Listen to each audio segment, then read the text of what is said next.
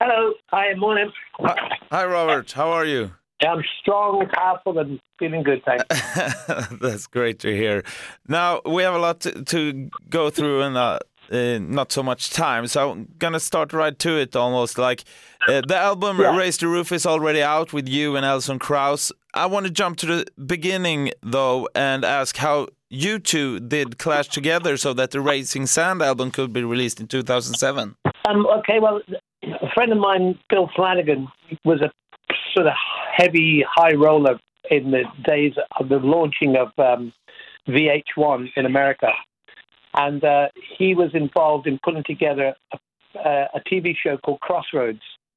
Not the Robert Johnson thing, but the Crossroads was linking people from different elements and areas of musicality and stuff and seeing how it would work out. It's a brave thing to do because, you know, you get Stevie Nicks with Kid Rock, you get all sorts of weird combinations, and it, and it can work. Yeah. Um, whatever it is, it's interesting, and that's what happened. I got approached by Bill, and um, and I like the idea of uh, trying something different. So yeah, it was a it was a, not even a gamble. It was just an adventure, and there it is. and the five Grammys uh, later. Yeah, five Yeah. Grammys later, I, I never received a Grammy until I worked with a woman from Nashville. Well, so the whole of Led Zeppelin, the whole deal was we never ever got any kind of recognition like that. Um, I think it was. Uh, that, and the thing about Grammys is that they, they are what they are. You know, yeah. The most important thing is with all of this stuff is are you actually enjoying it and is it working for you? So yeah, uh, I think they must have the Grammy. I mean, the the whole deal is it's the industry voting for its own people. So I've had a lot of nominations through the years uh, for vocal work or you know that sort of thing. But that night, maybe it's because I was wearing a suit. I don't know what happened, but it came flying through the door, and she kept looking at me and winking, and I thought. There's a lot of things going on here I don't understand. like you you both have such impressive careers it's almost unbelievable what what are like some of your favorite m- uh, memories uh, during your career what what stands out so to speak well of course these grammys but but but also other stuff Well, yeah, I mean, we played. I went to uh, north of Timbuktu with Justin Adams and Skin Tyson and my son Logan. We played at the festival in the desert with Ali Farka Toure, and uh, that was and Tinariwen, and that was one of the most unusual um, and unlikely places for a guy who used to sing in Led Zeppelin to end up. Yeah. I mean, the thing is, you uh, artists tend, for better or worse, to become typecast. So I've spent a lot of my time trying out different approaches to things um, and different uh, attitudes musically.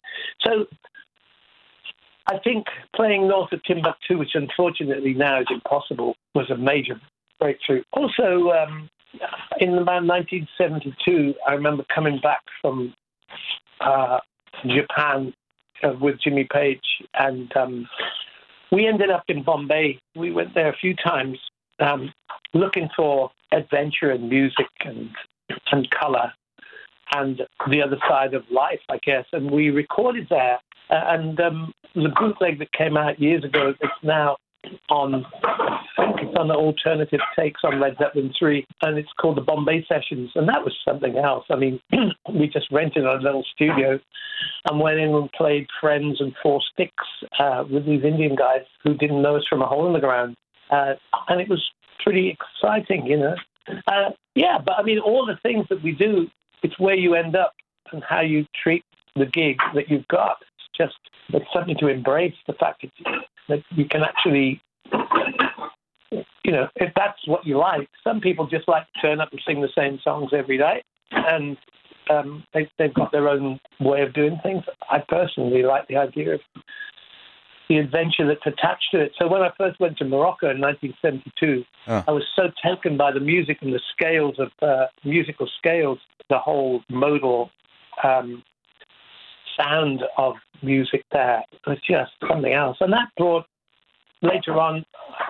Jimmy Page came and met me, and we went down into the south of Morocco and Uh, I was able to write some reasonable lyrics on the road down there. Kashmir and stuff like that was pretty much on the road from Gulmin, which is the gateway to the Sahara, going into the North Sahara. Um, the wilderness, the beauty, it's just, I have a passport, and it's not just the United Kingdom, it's it's music, and music is uh, it opens so many doors and so many magnificent friendships. Uh, you know. Um, yeah, it's an international language. Yeah, yeah. Yes. And you know, and, and because of my attract, absolute fascination with the music of the Mississippi Delta and the country blues singers that, in the end, most mostly gravitated to Chicago and became the bedrock of British rock, if you like. If you think about Howlin' Wolf and Muddy Waters, Little Walter, Sonny Boy Williamson, all moving up from Mississippi and into Chess Records. And so I moved the other way. I went down into Mississippi. We played there in the 70s, here and there occasionally to Alabama. And um, and the mag- magic color of Louisiana and the music there, incredible, uh, incredible musicians down there, and so much fun it's a party place, uh, Louisiana.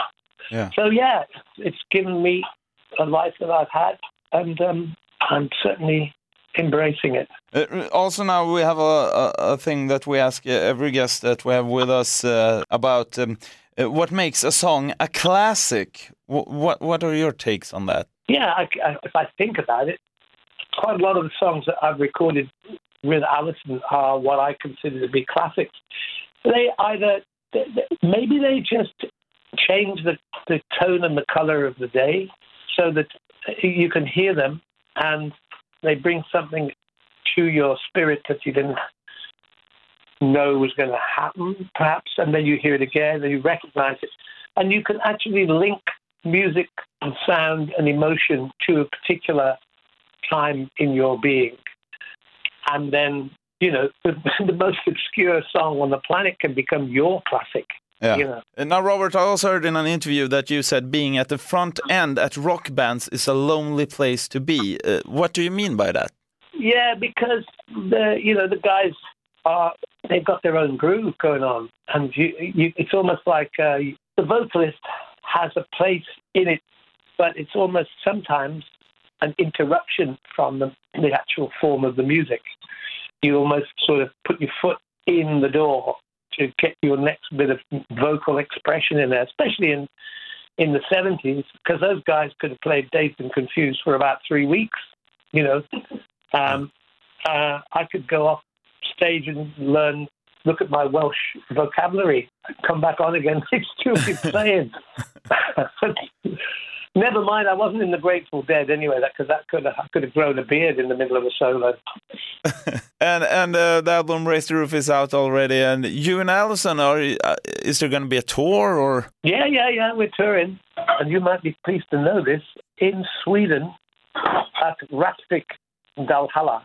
Yes, Dalhalla. Yes, yes. So that's the fifth of July.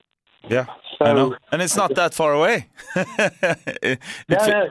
it, feels weird talking about concerts with these two years behind, and, and you know you're coming here, so it's it feels kind of uh, unbelievable, so to say. Yeah, it's weird, isn't it? I mean, we've all been, uh, we've been, our whole gig has been on ice, yeah. and quite rightly so, you know. Uh, but anyway, we see how we get on you know, I'm sure that we will be playing like we've never played before because we've all been waiting to to play music. Um, and we're entertainers, so we, you know, we are really pretty expressive when we get up the sharp end. And now I'm not on my own. There's two two people in the sharp end now. yeah, exactly. Well, I look forward to it, uh, and I'll see you in uh, Dalhalla then, Robert. Yes, I look forward to it. It's very nice to speak to you, and uh, yeah, I'll see you there. Come and say hello. Look forward to it. I definitely will. Take care. All right. Bye bye. Thanks. Ett poddtips från Podplay. I fallen jag aldrig glömmer djupdyker Hasse Aro i arbetet bakom några av Sveriges mest uppseendeväckande brottsutredningar. Går vi in med hemlig telefonavlyssning och, och då upplever vi att vi får en total förändring av hans beteende. Vad är det som händer nu? Vem är det som läcker? Och så säger han att jag är kriminell, jag har varit kriminell i hela mitt liv men att mörda ett barn, där går min gräns. Nya säsongen av Fallen jag aldrig glömmer på Podplay.